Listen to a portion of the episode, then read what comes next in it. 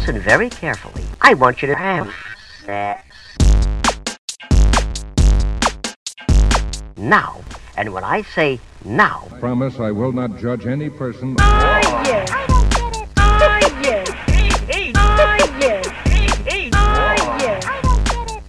Cześć, z tej strony Nat, czyli Twoja zaufana sekspertka, a to jest Nat i Seks. Podcast o tym, że życie jest zbyt krótkie na kiepski seks. Odcinek 29. Surogacja seksualna. Hej, hej. Miło mi znów gościć w Twoich dziurkach usznych i mam nadzieję, że cieszysz się na to spotkanie tak samo jak ja. Zanim przejdę do tematu dzisiejszego odcinka, chciałabym poprosić Cię o wsparcie mojej działalności. Możesz zasubskrybować ten podcast w ulubionej aplikacji podcastowej, polecić go komuś, kogo może zainteresować, a jeśli czujesz się wyjątkowo hojnie, wesprzeć moją działalność mikrodonacją w serwisie Kofi. Link znajdziesz w opisie. Temat dzisiejszego odcinka jest, myślę, dość wyjątkowy, dlatego że dotyczy seksualnej surogacji. Tematu wydaje mi się nie do końca rozumianego, nawet w sekspozytywnych kręgach. Dlatego dziś chciałabym uporządkować pewne związane z nim kwestie. Ale najpierw disclaimer i moje uderzenie się w pierś. Kiedy jakiś czas temu uczestniczyłam w instagramowym live'ie z Sylwaną ze zwykłego zeszytu, zresztą polecam zwykły zeszyt, jako ważne miejsce do czerpania wiedzy o islamach i tolerancji na drugiego człowieka, no ale właśnie podczas tego live'u trochę automatycznie wrzuciłam surogację seksualną pod parasol pracy seksualnej, po czym oczywiście zwrócono mi uwagę, że to chyba nie do końca tak jest. Myślę, że to, co powiedziałam, wynikało przede wszystkim z dwóch rzeczy. Pierwsza jest taka, że kiedy rodziła się surogacja seksualna, to zajmowały się nią głównie osoby pracujące seksualnie. O tym zresztą powiem za chwilę. Ponadto jest grupa osób, która określa swoją działalność jako właśnie pracę seksualną. No ale jak zazwyczaj w takich sytuacjach jest też spora grupa osób, zajmujących się seksualną surogacją, która twierdzi wprost przeciwnie. Natomiast poświęciłam trochę czasu na doedukowanie się i zweryfikowanie tej wiedzy i chciałabym bardzo przeprosić wszystkie osoby, które wprowadziłam w błąd. Dlatego, że ze swojej pozycji naprawdę nie chcę narzucać komukolwiek tego, jak ma definiować swoją działalność, a argumenty przemawiające za tym, że surogacja seksualna pracą seksualną nie jest, są naprawdę mocne. I chociaż w tym rodzaju pracy z drugim człowiekiem oczywiście istnieje element seksualny, to jednak pełni on zupełnie inną funkcję niż w przypadku tradycyjnie pojmowanej pracy seksualnej. Skąd jednak wzięło się to skojarzenie? Kiedy Masters i Johnson wypracowywali technikę Sensate Focus, do dziś używaną w terapii seksualnej, polegającą na pracy skupionej na odczuwaniu przyjemności i budowaniu intymności przez dwie osoby, ale z początkowym wykluczeniem obszarów ciała uznawanych za erogenne, a także penetracji, aby w sposób uważny przyjrzeć się reakcjom swojego ciała na różne rodzaje dotyku, pieszczot czy właśnie bliskość. Ta metoda okazuje się dość skuteczna w przypadku terapii par, które w jakiś sposób seksualnie oddaliły się od siebie lub doświadczają trudności w obszarze seksualnym, na przykład ze względu na problemy z erekcją czy odczuwaniem przyjemności ze współżycia. Kiedy więc okazało się, że ta metoda jest tak pomocna i skuteczna w przywracaniu satysfakcjonującej aktywności seksualnej, Masters i Johnson zaczęli uczyć osoby pracujące seksualnie bycia właśnie takimi partnerkami, bo były to głównie kobiety, zastępczymi. Dziś natomiast osoby zajmujące się surogacją seksualną nie tyle wywodzą się z obszaru pracy seksualnej, co z innych dziedzin związanych z psychiką i emocjami człowieka. Bardzo często są to osoby, które mają wykształcenie terapeutyczne, które już zajmują się w jakiś sposób pracą z ciałem, pracą z energią, które chcą wykorzystać swoje umiejętności, pomagając ludziom wrócić lub wkroczyć do świata intymności. Bardzo ważna jest tu więc empatia, a także umiejętność nawiązywania więzi z drugim człowiekiem, a także umiejętność pracy z osobami, które z tego typu usług mogą korzystać. Bo kto zazwyczaj korzysta z seksualnej surogacji? Myślę, że większość ludzi ma taką wizję, że są to przeważnie osoby z niepełnosprawnościami, natomiast seksualna surogacja pomaga też osobom zmagającym się z różnego rodzaju dysfunkcjami seksualnymi, wstydem czy nieśmiałością związanymi z budowaniem relacji z drugim człowiekiem, osoby z awersją do seksu, czy osoby, które doświadczyły przemocy seksualnej. Mogą to być też osoby, których debiut seksualny, czyli pierwsze doświadczenia seksualne, wypadają w późniejszym wieku, osoby, które wyszły na przykład z bardzo restrykcyjnych grup religijnych, a także pary, które chcą w jakiś sposób odbudować intymność między sobą. W idealnej rzeczywistości praca polegająca na seksualnej surogacji odbywałaby się równocześnie z innymi rodzajami pracy terapeutycznej, na przykład terapią psychoseksualną czy seksualnym coachingiem. Surogacja może być o tyle ważnym uzupełnieniem tego typu pracy, że w przypadku terapeutów, którzy na przykład nie zajmują się seksuologiczną pracą z ciałem, podczas takich sesji nie dochodzi do dotyku. I spotkałam się z takim porównaniem, że w przypadku osób, które chcą wkroczyć w świat intymności, to jest trochę tak, jakby uczyć kogoś pływania siedząc na brzegu basenu, czyli wyposażać tę osobę w teorię dotyczącą na przykład budowania kontaktu seksualnego z drugim człowiekiem, wzmacniania intymności, ale nie dawać mu pola do przećwiczenia tych nowych umiejętności w bezpiecznej przestrzeni, w asyście i w takiej bardzo pozytywnej, zachęcającej atmosferze. Bo surogacja seksualna to nie tylko zaspokajanie potrzeby seksualnej, a przede wszystkim edukacja. Praca z osobą korzystającą z usług seksualnej surogacji opiera się, i tutaj podkreślam raz jeszcze, nie tylko na odbywaniu stosunku seksualnego, ale też na przykład na uczeniu takiej osoby rozumienia, interpretowania reakcji ciała, nauka budowania więzi, wzmacnianie pozytywnych postaw wobec seksualności i seksu, a także tworzenia relacji. Element edukacyjny skupiony nie tylko na teorii, ale też na ciele, jest więc bardzo ważnym elementem tego procesu, a więc osoba, która go prowadzi, też musi mieć odpowiednią wiedzę czy kwalifikacje. Jeżeli chodzi o status prawny seksualnej surogacji, no to niestety znajdujemy się w szarej strefie, dlatego że nie ma przepisów jednoznacznie zabraniających prowadzenia surogacji seksualnej, ale też nie ma przepisów, które rozpoznawałyby ją jako zawód, jako metodę pracy. Teoretycznie więc każda osoba może ogłosić swoje usługi jako seksualną surrogację, bo tak naprawdę reguluje ją tylko własne poczucie etyki czy moralności. W idealnych warunkach istniałaby ścisła współpraca między osobami prowadzącymi terapię seksuologiczną, terapię psychoseksualną, a osobami zajmującymi się surrogacją seksualną. Niestety to nie są nasze realia.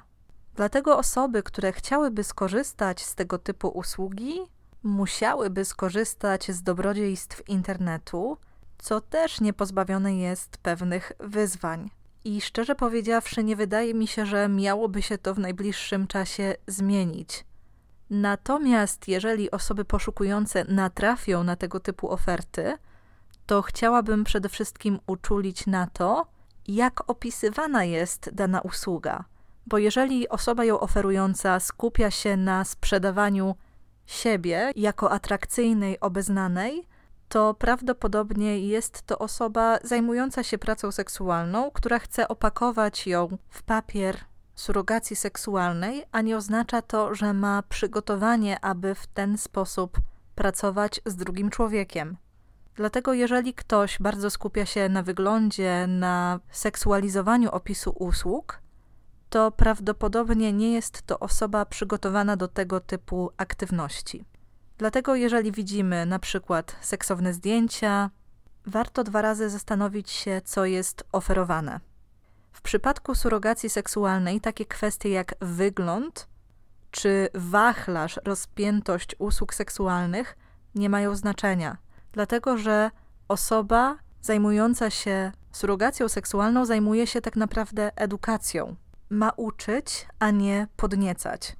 Rzecz jasna, może zdarzyć się tak, że osoba prowadząca surogację seksualną będzie dla tej drugiej strony atrakcyjna, ale to nie powinno być kryterium wyboru osoby świadczącej ten serwis.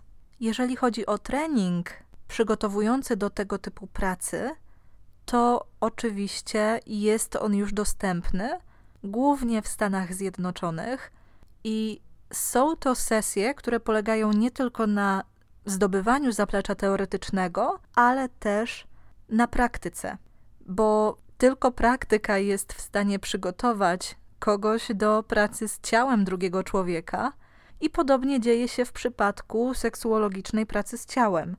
Nie da się odbyć kilku webinarów i tylko z taką wiedzą ruszyć do ciała klientki czy klienta.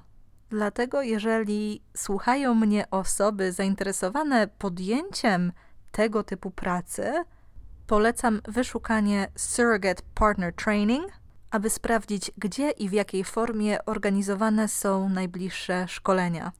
Jeżeli jednak przyjrzymy się realiom pracy w surogacji seksualnej, łatwo dostrzec, że jest ona dużo mniej sensacyjna niż portretuje się ją w mediach. Bardzo często osoba zajmująca się surogacją seksualną jest dla swoich klientów, klientek jedyną osobą, która stoi po ich stronie, a więc jest to też ogromna praca emocjonalna, w której często obcuje się z ludzkim cierpieniem, niezrozumieniem czy różnymi rodzajami wykluczenia. Nie każda osoba, która chce podjąć pracę z drugim człowiekiem, jest gotowa, aby ten ciężar udźwignąć. Bo na przykład, jeżeli ktoś prowadzi taką klasyczną terapię gabinetową, to w momentach, w których przestaje sobie radzić, ma dostęp do czegoś takiego jak superwizja czy własna terapia, czego w przypadku seksualnej surogacji brakuje, bo niewiele osób wykonuje ten zawód czy rozumie realia tej profesji. Jest oczywiście międzynarodowa organizacja zrzeszająca osoby zajmujące się surogacją seksualną. Podlinkuję ją w opisie tego odcinka, żeby osoby zainteresowane też mogły dotrzeć do tych materiałów.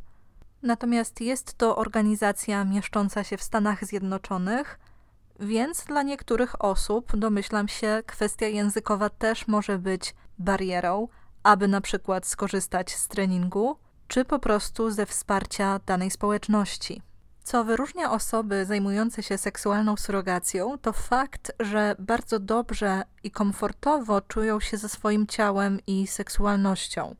Nie oznacza to, że muszą być wyspecjalizowane w ars amandi i znać wszystkie pozycje i nie wiadomo jakie sztuczki, bo bardzo często ich praca dotyczy podstaw kontaktów seksualnych czasem może opierać się jedynie na przykład na terapii dotykiem.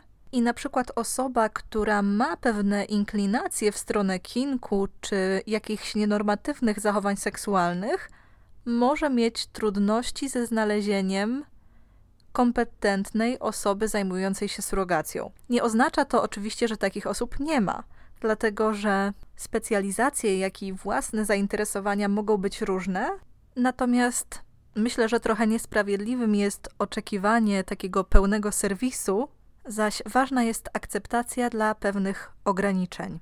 Surogacja seksualna może więc pełnić naprawdę bardzo ważną rolę w społeczeństwach, podobnie jak psychoterapia. Tylko myślę, że bardzo ważne jest tutaj też takie skupienie się na naszym nastawieniu do tego typu pracy, dlatego że wiele osób ma taką tendencję do umniejszania znaczenia jakiejkolwiek pracy, która skupia się w jakiś sposób na seksie. Wydaje mi się też, że jest pewna tendencja do legitymizowania, komu przystoi z takich usług korzystać. Myślę, że wiele osób z chęcią przyklasnęłoby temu, aby tego typu usługa była dostępna na przykład dla osób z niepełnosprawnościami, ale potępiłoby ją w innych okolicznościach. Pamiętajmy jednak, że brak dotyku i ogólna społeczna izolacja czy niemożność doświadczenia zbudowania satysfakcjonujących relacji mają bardzo negatywny wpływ na takie ludzkie funkcjonowanie w społeczeństwie i w ogóle w życiu. I jeżeli ktoś chce doświadczać dotyku, nauczyć się, jak tworzyć satysfakcjonujące relacje, pozbyć się swoich ograniczeń, pozbyć się wstydu, to seksualna surogacja może wypełnić tę lukę, a sprawność fizyczna, poziom sprawności fizycznej nie ma tu nic do rzeczy. Ważny jest natomiast poziom dostępności, dlatego że są oczywiście kraje, w których surogacja seksualna jest refundowana czy pokrywana z ubezpieczenia, natomiast w wielu innych koszt takiej terapii surogacyjnej może być ponad możliwości osób, które z takiej usługi mogłyby lub chciałyby skorzystać. Zastanawia mnie też, dlaczego, skoro seksualna surogacja dostępna od mniej więcej lat 70., tutaj mam na myśli Stany Zjednoczone, to wciąż nie utorowała sobie drogi do Polski.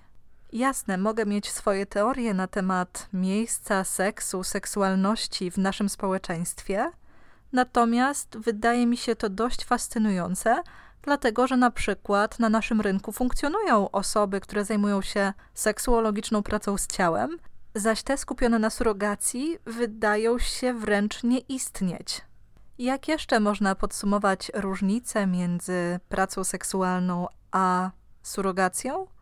Dokształcając się w tym temacie, znalazłam taką metaforę, że korzystanie z pracy seksualnej jest jak wizyta w restauracji, gdzie z menu wybiera się jakieś konkretne dania, spożywa się je, a potem ewentualnie wraca lub nie do danej restauracji, zaś seksualna surogacja jest jak pójście na zajęcia z gotowania, czyli uczenia się, jak tę potrawę przyrządzić, aby też móc w późniejszym czasie ugotować ją dla kogoś innego. Myślę, że ta metafora jest dość urocza i całkiem trafna, jeżeli chodzi o porównanie tych dwóch obszarów, które seksualności dotyczą. Natomiast ja też sama musiałam uporządkować sobie kwestię tego, że jedna ma wymiar bardziej uzdrawiający i terapeutyczny niż druga. Zaś w surogacji seksualnej może być znacznie mniej seksu niż mogłoby się wydawać. Na tym skończę dzisiejszy odcinek. Wydaje mi się, że udało mi się przybliżyć jakoś koncept. Być może zainspiruje to niektóre osoby do poszukania tego typu usługi. I myślę, że jest to coś, o czym warto rozmawiać, dlatego że, jak już wspomniałam, surogacja seksualna może mieć naprawdę bardzo, bardzo duże znaczenie. I na początku tego odcinka wspomniałam, że jednymi z osób korzystającymi z surogacji seksualnej są osoby przygotowujące się do seksualnego debiutu lub z późnym debiutem seksualnym. Ten temat był bardzo obecny na moim blogu przez ostatnie tygodnie, Między innymi dlatego, że objęłam swoim patronatem książkę wydawnictwa Laurum zatytułowaną Seks Edukacja o dojrzewaniu, relacjach i świadomej zgodzie. Jeżeli słuchasz tego odcinka przed 23 września 2020 roku, wpadnij na mojego bloga, aby wygrać egzemplarz tej książki dla siebie, bo uważam, że jest ona bardzo dobrym, dobrze skonstruowanym narzędziem, które pomoże przygotować się do seksualnego debiutu, a także uporządkować sobie kwestie związane z konsensualnością relacji. Link do konkursu, w którym można wygrać książkę, znajdziesz w opisie tego odcinka. Ja tymczasem chciałabym życzyć Ci wszystkiego seksownego i mam nadzieję do usłyszenia już wkrótce. Pa!